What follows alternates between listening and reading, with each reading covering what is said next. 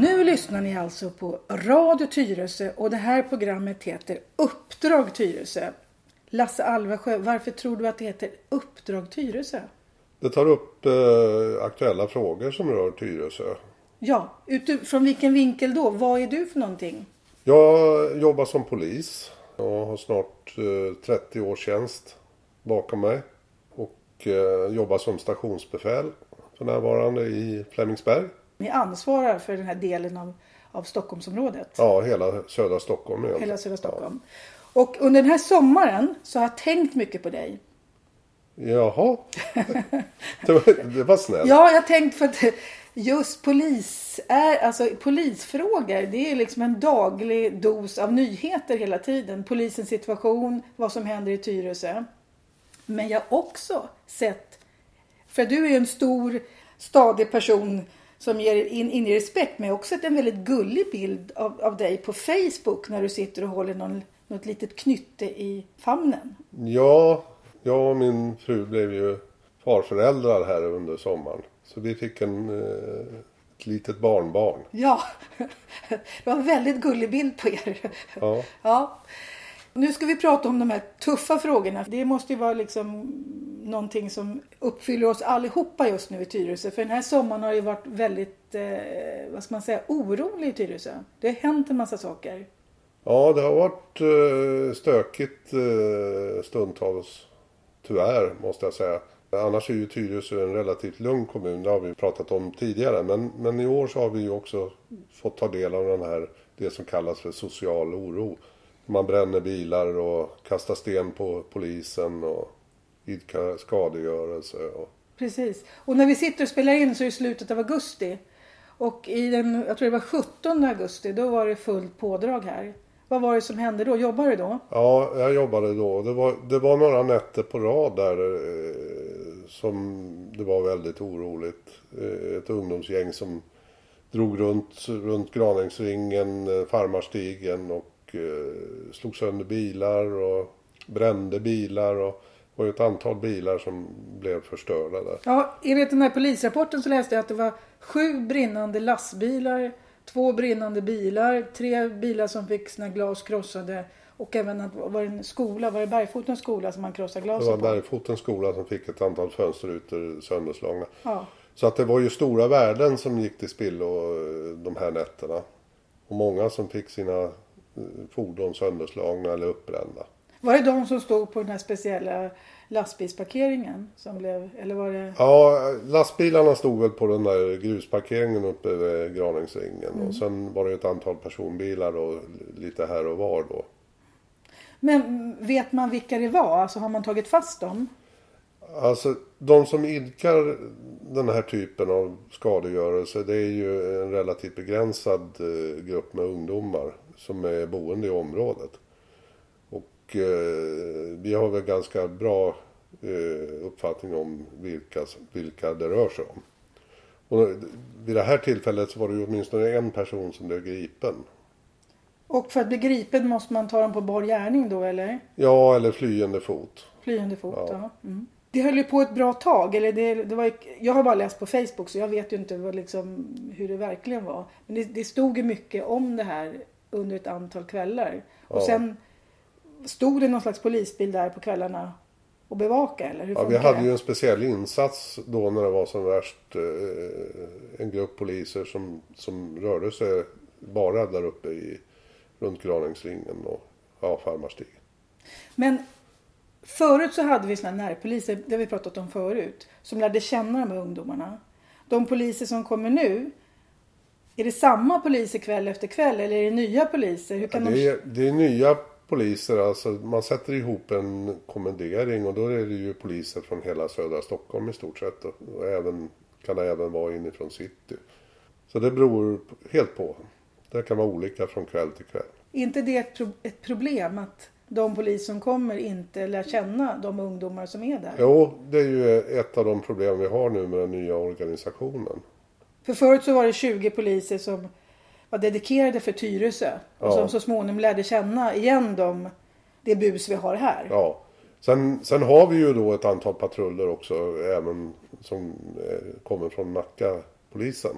som, som har en viss kännedom om, om eh, de här ungdomarna som rör sig. Men långt ifrån alla. Nej. Men sen hände det också något ännu läskigt tyckte jag då. Det var ju en skjutning här under sommaren också. Ja, det stämmer. Nere i Fårdala. Precis. Det stod att det var ett HVB-hem men det var väl ett familjehem? Ja, det var ett familjehem. Ja. Eh, Så de hade några fåtal eh, ensamkommande som bodde i, i, i den där villan. För ett HVB-hem det är ju ett hem för vård eller boende. Ja. Det är en institution egentligen. Där man måste ha kvalificerad personal anställd. Ja, och där var det en missuppfattning i, i media. Ja, för det fortsätter stå. ja. Ja. Men vad, vad hände där? där?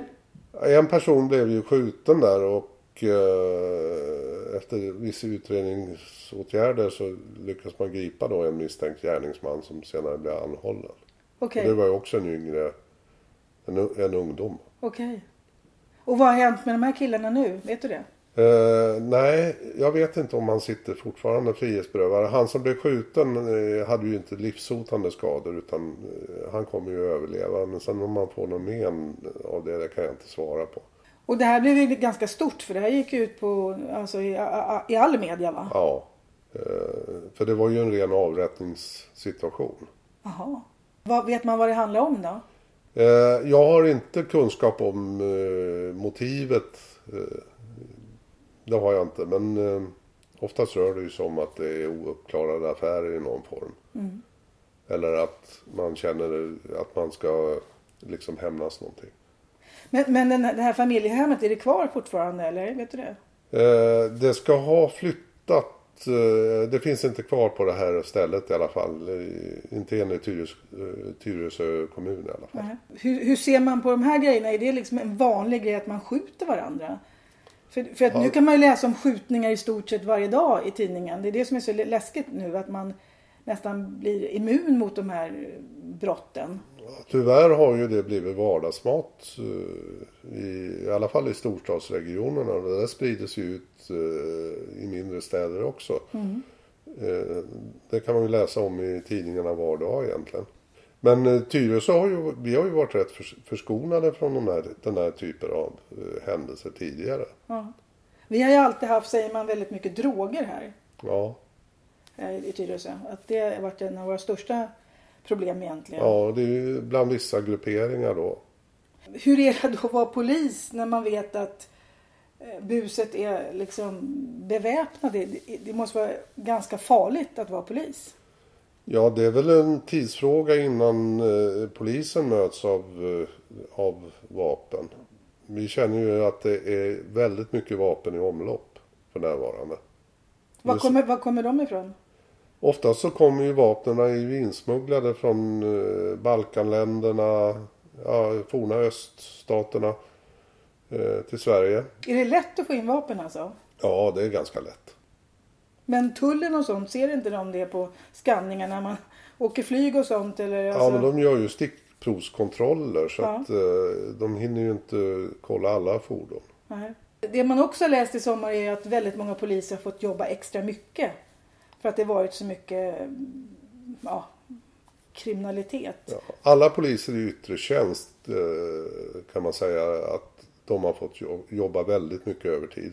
Och vissa av dem har ju slagit i, i övertidstaket eh, efter ett halvår redan.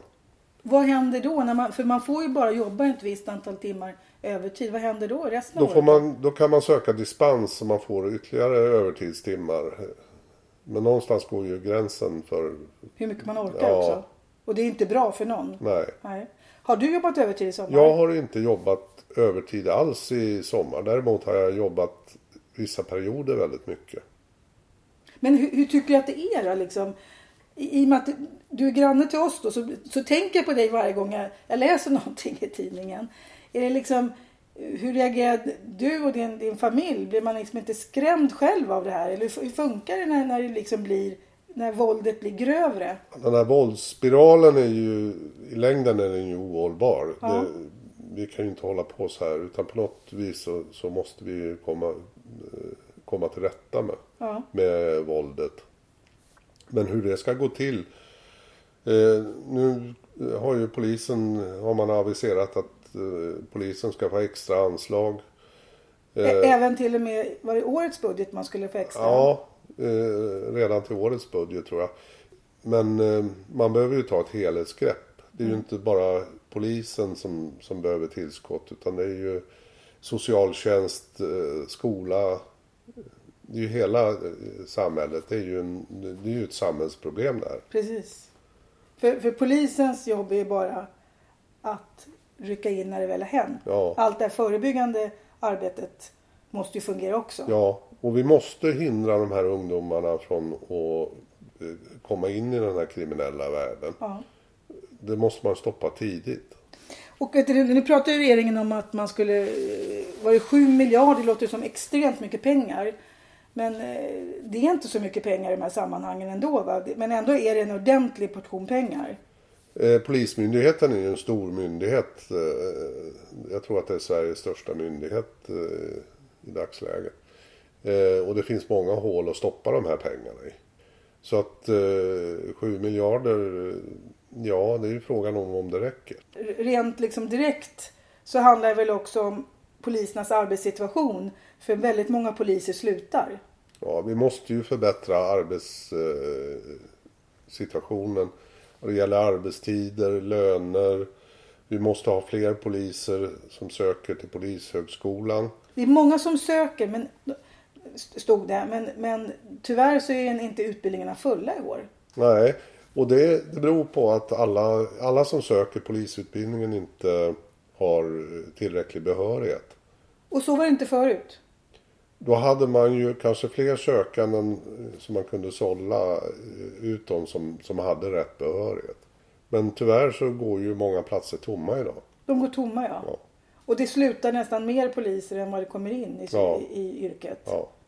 Så det här är en negativ spiral som måste lösas. Och man pratar om att man ska utbilda 10 000 polisanställda till. Och då ser jag ju ett problem med det eftersom de här utbildningsplatserna vi har, de kan ju inte ta emot så många. Nej. Utan då måste man ju öppna nya eh, utbildningsplatser för att, att kunna fylla upp de här 10 000. Däremot så finns det väl väldigt mycket före detta poliser som har slutat som man skulle kunna locka tillbaka.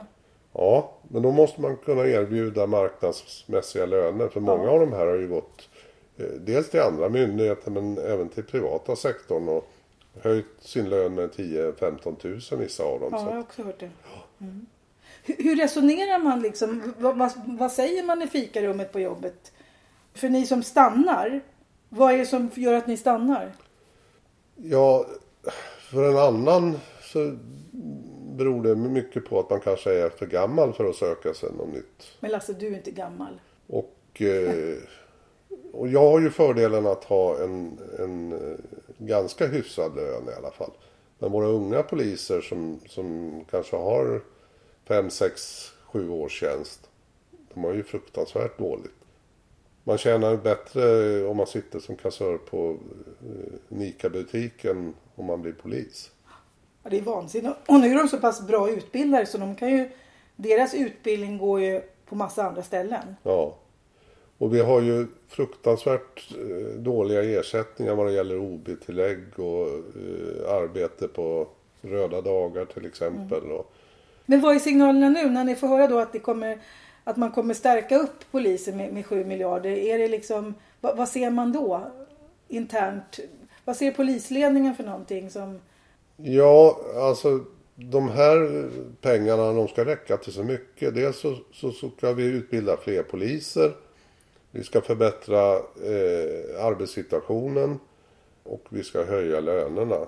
Och det förstår ju alla att det här kommer ju liksom inte pengarna att räcka till. Jag tror att de väldigt, jag tror väldigt många ser, funderar på hur det här ska lösa sig. För att ju mer man sätter sig in i den här problematiken desto mer fattar man att det här är ett jättestort problem. Och det, tyvärr är det även så inom sjukvården, inom skolan, inom sociala att man går på knäna. Och tyvärr är det väl så att man har, man har misskött den här eh, typen av samhällsverksamhet under många, många år. Och det är ju därför vi kanske ser eh, de problem vi har idag. Det här med att eh, vår förra in, inrikesminister Ygeman fick gå och vi fick då Morgan Johansson som är både justitieminister och inrikesminister tror jag nu. Tror ni någon, att det blir någon skillnad där? Svårt att bedöma i nuläget. Han är ju rätt eh, färsk på sin eh, post än så länge. Ja. Eh, Och jag har ingen uppfattning om... Ygeman talade ju mycket och hade väldigt bra synpunkter. Men tyvärr hände det ju inte Nej. så mycket. Och er, er rikspolischef har ju fått extremt mycket kritik. Ja, Finns det något större förtroende för honom nu? Nej det kan jag inte påstå att det Nej. finns. Det har ju inte hänt någonting. eh, Man har ju inte gjort verkstad av det man har lovat att göra. Nej. Och det verkar ju bubbla väldigt mycket kritik inom polisen nu mot sin egen ledning. Tyvärr måste jag nog säga att får man inte se eh, ganska kraftiga förbättringar så kommer fler Och poliser att sluta. Ja. För det är ändå ett jobb där man riskerar sitt eget liv. Ja. Och de som jobbar ute i yttre tjänst idag, de har ju otroligt tufft. Ja, de har otroligt tufft. Det Ja. fattar man ju. Ja.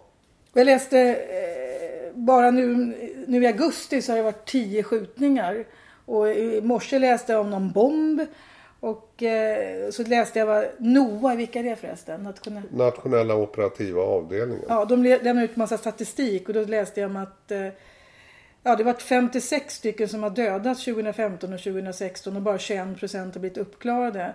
Och på 90-talet var det fyra stycken som sköts till döds och då var det uppklarningsprocenten på 80 eller någonting sånt. Så det är ju väldigt stor skillnad mot att det blir massa brott som inte ens klaras upp. Ja, vi ser ju en all time high kan vi säga av eh, dödligt våld i samhället idag tyvärr.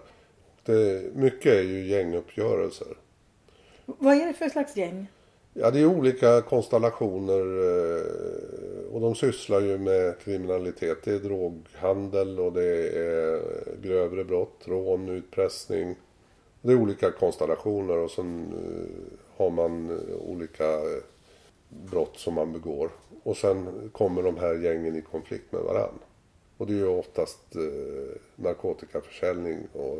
Så de, som- så de som dör om, är egentligen gängmedlemmarna själva? Ja, Men ibland är det oskyldiga också som drabbas. Ja. Eh, och nu har vi sett ett antal skjutningar med automat, tunga at- automatvapen. Och där har man ju liksom skjutit eh, skurar liksom som kan träffa allmänhet och ja. Det har gått in skott i lägenheter och Och folk måste bli extremt rädda för det här. Ja, det, är- det är ju ett under att ingen har blivit allvarligt skadad eller dödad eh, av en förlupen kula. Ja, det har väl skett men inte, inte i den omfattningen. Nej. Så, nej. Det här är ju liksom ens morgonläsning nu för tiden. Men nu har det också varit så att det varit på sjukhusen, på akuterna när man tar, emot, tar någon skottskadad. Då kommer ett gäng dit och ska göra klart jobbet eller släktingar eller Alltså det Ja, kommer för folk Det blir till... ju väldigt tumultartat eh, när man för in en skadad person. Då kommer ju eh, dels eh, hans kumpaner så att säga kommer till sjukhuset. Men det kan ju även vara så att motor, motståndarsidan dyker upp där. Hur, hur löser man det då? Ja, man får ju ha poliser på plats som står och vaktar och, så att det inte händer någonting. Sjukvårdspersonalen måste kunna jobba i, i fred. Ja, för Karolinska tydligen har liksom stängt sina dörrar så att de inte bara släpper in vem som Ja. helst. Deras traumaenhet där eh, får ju in väldigt många av de här eh, offren till skjutningarna. Så vid något tillfälle hade de väl tre patienter som var offer för, för skjutningar i Stockholm. Och då blev det ju väldigt stökigt. Ja, det var nu under augusti Ja. va? Jag blir alldeles så här matt när, när det är så här. Och det konstiga tycker jag är nu, nu i Tyresö då, man, när man skriver om att det händer saker ja, då i Fårdala, i närheten där vi bor, Bergfoten, Graningsringen. Och sen har det även stått om folk som har blivit överfallna på kvällarna, gått, ja, gått ut och gått med hunden eller vad de har gjort för någonting. Det skapar ju liksom en rädsla egentligen. Alltså, jag har ingen anledning att vara rädd men jag går ju inte var som helst längre. Om, alltså, jag vågar inte ens gå på de här småvägarna. Så har det inte varit förut för man känner att det kommit för så nära. Tyresö har ju varit den här kommunen där man känt så här, jag kan gå på vilken väg som helst. Jag kan knata ner till Barnsjön, det är inga problem alls. Nu känns det lite obehagligt att gå själv ner till Barnsjön. Tycker du att man har en anledning att vara så här? Det är tanter som jag som blir skraja vill jag säga. Det är kanske inte ungdomar som blir skraja. Nej, alltså det är ju relativt säkert fortfarande men naturligtvis så ska man ju vara försiktig. Eh, och vissa platser kanske man ska undvika. Man kanske inte ska gå där det är mörkt och eller sådana platser som är speciellt utsatta. Men händer det mycket sådana små grejer med folk som blir rånade? För sånt kan man läsa i den här gruppen aktuella händelser i Tyresö att det hänt. Ja, personrån har vi ju en hel del. Va- vad är en hel del för någonting? Ja, oftast är det ju folk som är kanske lite berusade på väg hem från krogen som blir rånade från, på mobiltelefon och plånbok. Och, eller också är är det liksom yngre ungdomar eller barn som blir rånade av andra ungdomar. Det förekommer ju också. Man har dyra jackor, mobiltelefoner. Händer sånt i Tyresö också? Ja, Har det alltid hänt sådana grejer? Det har det väl gjort men nog tycker man väl att även den typen av brottslighet har ju ökat. För, förut när jag intervjuade de här närpoliserna som vi har haft, Klas och Klas, så visste de ju vilka ungdomar det var de skulle gå på för de kände dem. Och så är det ju inte riktigt idag eftersom den där personkännedomen inte kanske finns alla gånger. Ja. Finns det några idéer om att återföra närpoliser? Inte som det ser ut nu. Däremot så förstärker man väl, vill man väl förstärka upp eh, lokalpolisområdena. Men som poliser som vi hade under eh, närpolistiden eller kvarterspoliser eller vad det nu har hetat eh, genom åren. Det tror jag inte vi kommer att se. Eh, I alla fall inte. än på Därför- många år. För det har man inte liksom råd med, det har man inte resurser till. Nej, Man, man har fullt upp att åka på de utryckningar som är. ja och knappt det Ja. Och då har man inte möjlighet att förebygga. Nej. Ja, det, det, här, det här är en ond cirkel. Ja, jo, det, jag är medveten om det. Ja, det är ju inte ditt fel, men jag menar bara att det, det är ju läskigt att det är så här. Ja, Och det är, vi, vi, vi, vi måste ju ställa våra politiker till svars för det här. För det, är- det är någonstans en utveckling som man inte ja har hindrat. ytterst är det ju politikerna som bär ansvar för att det ser Ja. ut som det gör. Det, så är det ju. Och sen tycker jag då eh, att det är en otydlig polisledning. Som, Ja. inte, Ja, som talar om, ja, som förra sommaren så skulle man stävja massa bråk genom att man ska sätta på sig små armband där det stod, ja vad det nu var. Alltså man, eller, eller såna här pratgrejer eller fika eller korv eller vad det var för någonting.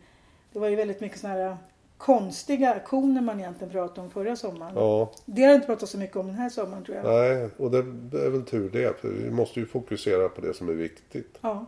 Men Lars Alvarsjö, om du då fick bestämma. Om vi säger att du blev eh, rikspolischef. Ja, Tala om hur du skulle agera då. Vad, vad är det första du skulle göra med de här sju miljarderna du skulle nu få ta hand om? först och främst så skulle jag se till att förbättra arbetsvillkoren för de poliser som, som eh, vi har idag. Så vi kan behålla dem. Och vad innebär det? Alltså vad innebär förbättrade arbetsvillkor? Ja, de som jobbar treskift till exempel ska inte behöva jobba 38 timmar i veckan. Och de ska inte behöva... Vad, vad är treskift för den som inte fattar det? Ja, alltså man jobbar dag, kväll och natt och täcker dygnets alla timmar. Okej, Hela, då, varje då, dag året runt. Då har man ett schema där man snurrar på de här timmarna. Ja. Och man ska ha skälig OB-ersättning så att det är värt att jobba på, på mörktid så att säga. Obekväm arbete. Det är Ja. då allting händer. Ja. Eh, Vad, har man, vad har man för någonting i OB-ersättning då? nu vet jag inte vad OB-ersättningen ligger på eh, i kronor men den är extremt dålig. Den är extremt dålig. Ja, jag tror inte att det är någon annan bransch som, som jobbar obekväm tid som har lika låg ersättning som poliser. Och OB är ju då på de- den tid då kriminaliteten är som värst. Ja. Och sen måste vi hö- höja lönerna, speciellt eh, lönerna för de yngre poliserna när de börjar sin poliskarriär. Och att det finns någon slags trappa upp så de känner att deras löner går uppåt. Ja, de måste ju kunna leva på sin lön. I dagsläget så, så bor du ju och verkar i Stockholm så alla vet ju hur eh, bostadssituationen ser ut och vad bostäderna kostar. På en polislön idag, om du är relativt ny så ja, du be, be, beviljas inte några lån. Därför att den- du har för li- låg lön. Ja, Och är båda då två po- po- poliser så har du ju inte en chans. nej. Men, vad ska jag göra mer då? Det tycker jag är jättebra. Vi ser till att poliserna får det bättre. Ja, och i och med det så får man förhoppningsvis tillbaka eh, de, några av de poliser som har slutat. För egentligen som du har sagt flera gånger i de andra programmen du har gjort så menar du att du älskar ditt jobb. Ja, jag tycker fortfarande att det är lika roligt. Och det är många poliser som verkligen älskar sitt jobb. Ja, många brinner för liksom jobbet och tycker att det är... Meningsfullt. Ja, Och ett bra jobb. ja, Fast villkoren är för dåliga. ja. Och många tvingas ju liksom söka andra jobb fast de egentligen inte vill. Just av ekonomiska skäl. Så då skulle kanske fler poliser komma tillbaka. Ja. Vad skulle du göra med den här gigantiska organisationen som man har skapat då? Där får man nog titta. I vissa avseenden tror jag att man får backa några steg. Och ta tillbaka den här lokala anknytningen som totalt har försvunnit idag. Eh, det är stordrift som gäller med centraliseringar och, och det tror jag inte är riktigt bra. Fast det var ju det som man höll med om från början. Att det var bra liksom att man fick en, en central utryckningsgrej så att man kunde åka. Men förstod man egentligen att he, hela den här lokala förankringen skulle försvinna? För man var ju positiv tyckte jag i början. Det lät som en jättebra grej att man åker, man satsar på där det händer och så vidare. Man presenterar ju det här som att man skulle stärka den lokala förankringen och det mesta av, eh, av polisjobbet skulle ske ute i kommunerna. Men så har det ju inte riktigt blivit utan det har blivit tvärtom istället. Har du mer bra förslag Lasse? Vi skulle ju naturligtvis behöva fler poliser. Det har vi ju varit lite inne på att eh, vi måste utöka antalet utbildningsplatser. Just nu så har man ju flyttat. Vi har ju haft polisutbildningar ute på Sörentorp. Nu har ju de utbildningarna flyttat in på högskolan. Södertörns högskola har ju ett, eh, polisutbildning till exempel. Och så finns det ju eh, lärosäten överallt i Sverige på vissa platser. Där behöver vi ju utöka. Frågan är om man inte ska öppna Sörentorp igen. Det är ju ett stort övningsområde och många lokaler. Är det en bra polisutbildning nu idag? Eller har den blivit för akademisk? För nu är det ju liksom... Förut så var det väl så att man fick betalt att gå på polishögskolan eller, eller polisskolan när du... Ja, när jag gick så fick man ju, då fick man ju aspirantlön. Och nu tar man studielån som alla andra Ja. och läser det i många år då. Ja, det är ju nästan tre år med, och sen har de praktik. Jag har svårt att göra bedömningen om utbildningen är bra eller inte. Däremot så hör jag ju en hel del kritiska röster från, från de aspiranterna som går utbildningen. Den är väldigt teoretisk. Väldigt teoretisk. Istället för att lära sig det, det praktiska. Ja. Förr hade man ju väldigt mycket, eller i alla fall en större del av praktiska övningar. Och det tror jag att den- delen har ju blivit betydligt mindre. Har du mer förslag? Nej, vi stannar där tror jag. Är det här, de här förslagen som du har, som låter väldigt rimliga, är det här någonting man i, inom polisfacket eller inom polisen pratar om? Är det någonting som kommer upp till ledningen eller är det här... Ja, det här, de här frågorna diskuteras hela, hela tiden och eh, Polisförbundet har ju vissa av de här förslagen tror jag att de driver gentemot eh, Polismyndigheten och våra politiker. Och, men det händer inte så mycket. Det händer inte så mycket. Nej. När det gäller Tyresö, hur ser det nu? Nu, nu sitter vi i slutet av augusti. Det har ju lugnat ner sig, skolorna har börjat och allt sånt där. Tror jag, hur, hur ser det ut nu tror jag just? Just nu är, det, är vi inne i en rätt lugn period och vi lyckades väl eh, stävja det värsta som var då i början av augusti där och juli. Sen får vi ju se om det här drar igång igen. Sen har vi ju haft en väldigt olycklig utveckling på bostadsinbrotten och det gäller ju egentligen överallt. Det har vi pratat om förut, det här med interna- internationella ligor. Ja, Som är... och det här är ju brott som är väldigt svårutredda.